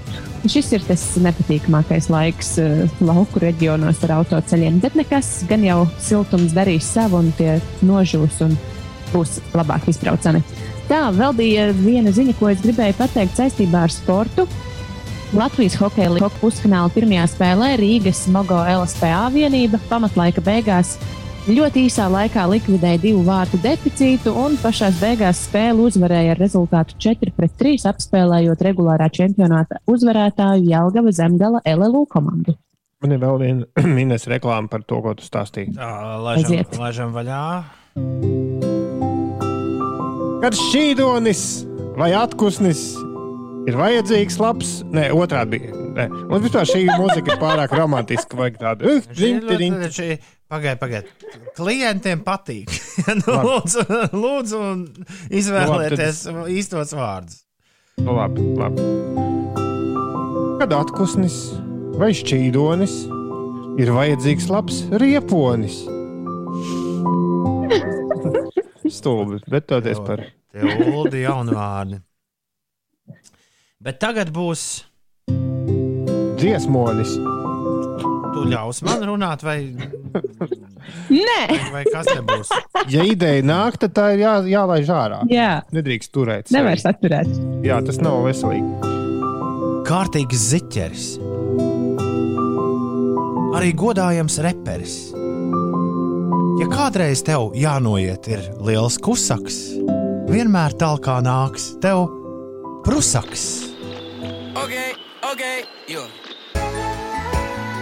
Jo vairāk un biežāk es šo dzirdu, jo vairāk man patīk Bruno Mars un Andersons Parks. Leave the door open. Es ceru, ka es neesmu vienīgais, kurš šādi var teikt par uh, šo dziesmu. Ir 8,49. Pirms es spiežu interesanto ziņu pogu, tu kaut ko teiksi, vai uh, paturēsi sakāmo pie sevis? Man bija sausiņš mutē, es ēdu. Nē, laikam jau ka nē. Man jāraksta interesantās ziņas vēl. Ah, vēl? Mēs jau viņu stūdaļ, man jāsāk Inesēņa tās priekšā lasīt. Nu,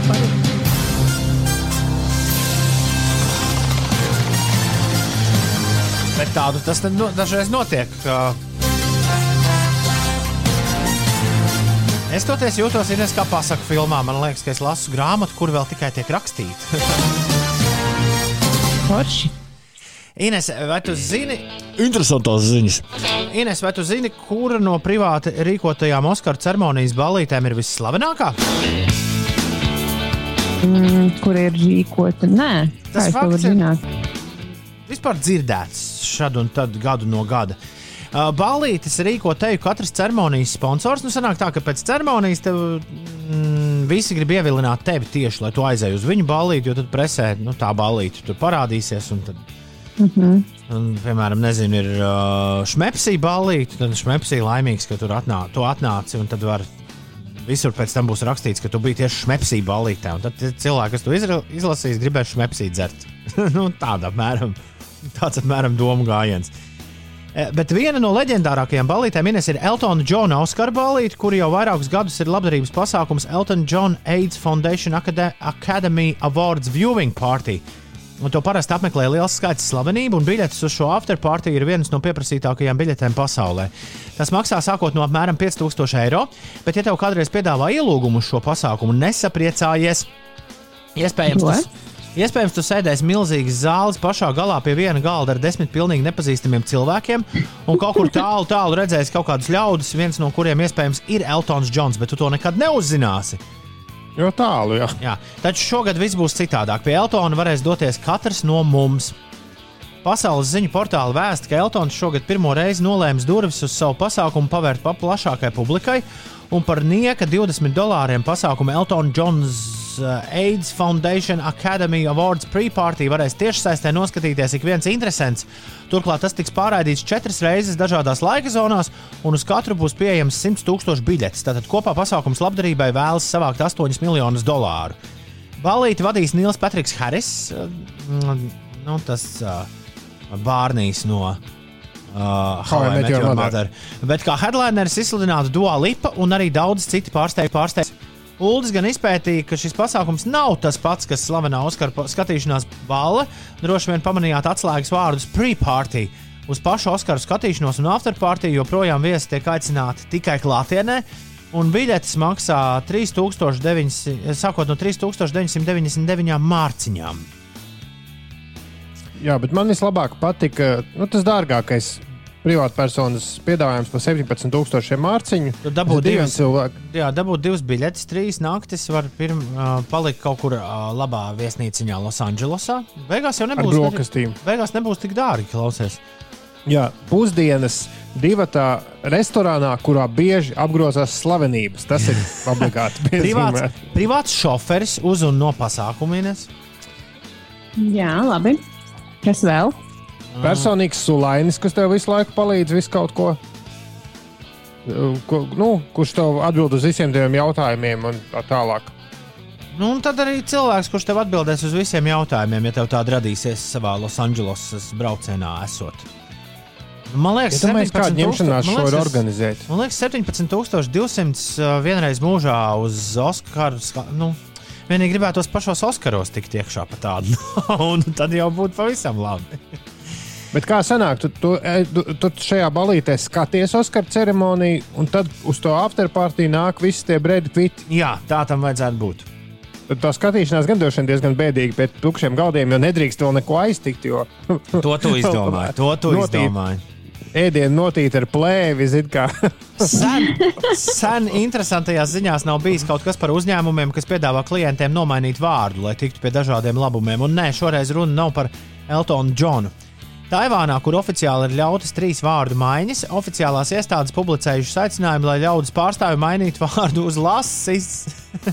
Vairāk nekā Kāpēc? 150 jaunieši, reaģējot uz kādas slavenas sushi kompānijas akciju, kurā katram, kam pasē būs rakstīts guļu, pienāksies all you can eat sushi maltīt kopā ar pieciem draugiem. Oficiāli ir veikuši vārdu maiņu, lai tikai varētu kopā ar draugiem norīties sushi bez maksas. Izrādās, ka šī ņemšanās varas iestādēm sagādā galvas sāpes, jo katrs gadījums prasa dokumentu sagatavošanu un tērē ierēģņu laiku. Un tikmēr ļaudis, kas mainījuši vārdu televīzijā, stāsta, ka ir ļoti apmierināti ar šo soli. Es nomainīju vārdu šorīt, lai pievienotos tam, lai pievienotu tam Beočenguju. Un mēs jau esam apēduši sushi vairāk nekā 235 dolāru vērtībā. Stāsta students, kur vārds tagad latviešu skan eksplozīvi, laba paskata lasis. Savukārt, kāds cits sushi kārumnieks stāsta, es nomainīju vārdu uz lasis, un divi mani draugi izdarīja tāpat. Mēs vienkārši pēc tam to nomainīsim atpakaļ. Jā. Tikmēr United Daily News ziņo, ka kāds taivānietis droši vien, lai gatavotos iespējamajām akcijām nākotnē, pievienojas vārdam 36 jaunus simbolus, lielākoties ar jūras veltēm saistītus - krābis, omārs un tā tālāk. Prātīgi. Nu, varēni, jā. Lasis, domājies, u- lasis ziediņš vai lasis grēviņš. Uldis skaisti lasis. Skaists, Vispār es- skaists lasis. Jā? Lūdzu, pazuda. Ines, pasties. Viņš apstājās. Nē, man liekas, ka viņš mānās. Skaties, tu līdz sāks smaidīt. Nē, viņš pazuda. Viņš ir sastīnis. Oh, tiešām. Viņš tik profesionāli nesastingtu. Domā? Jūs man sastingāt. Nē, tu mums sastingi. Jo es jūs dzirdēju visu laiku, bet te attēls apstājās. Ir astoņi. Tagad jūs man dzirdat, ja? Mēs tev dzirdam. Jā. Nu, kaut jūs kam man jau dzirdat? kaut kam šodien bija jānotiek tādam. Vai, bet tagad jūs man nedzirdat vairāk. Tagad mēs tev Dzirdam. dzirdam. Jūs nedzirdat, ko es saku? Mēs dzirdam, dzirdam. Man pazuda skaņa, laikam. Es nedzirdu, vai jūs kaut ko.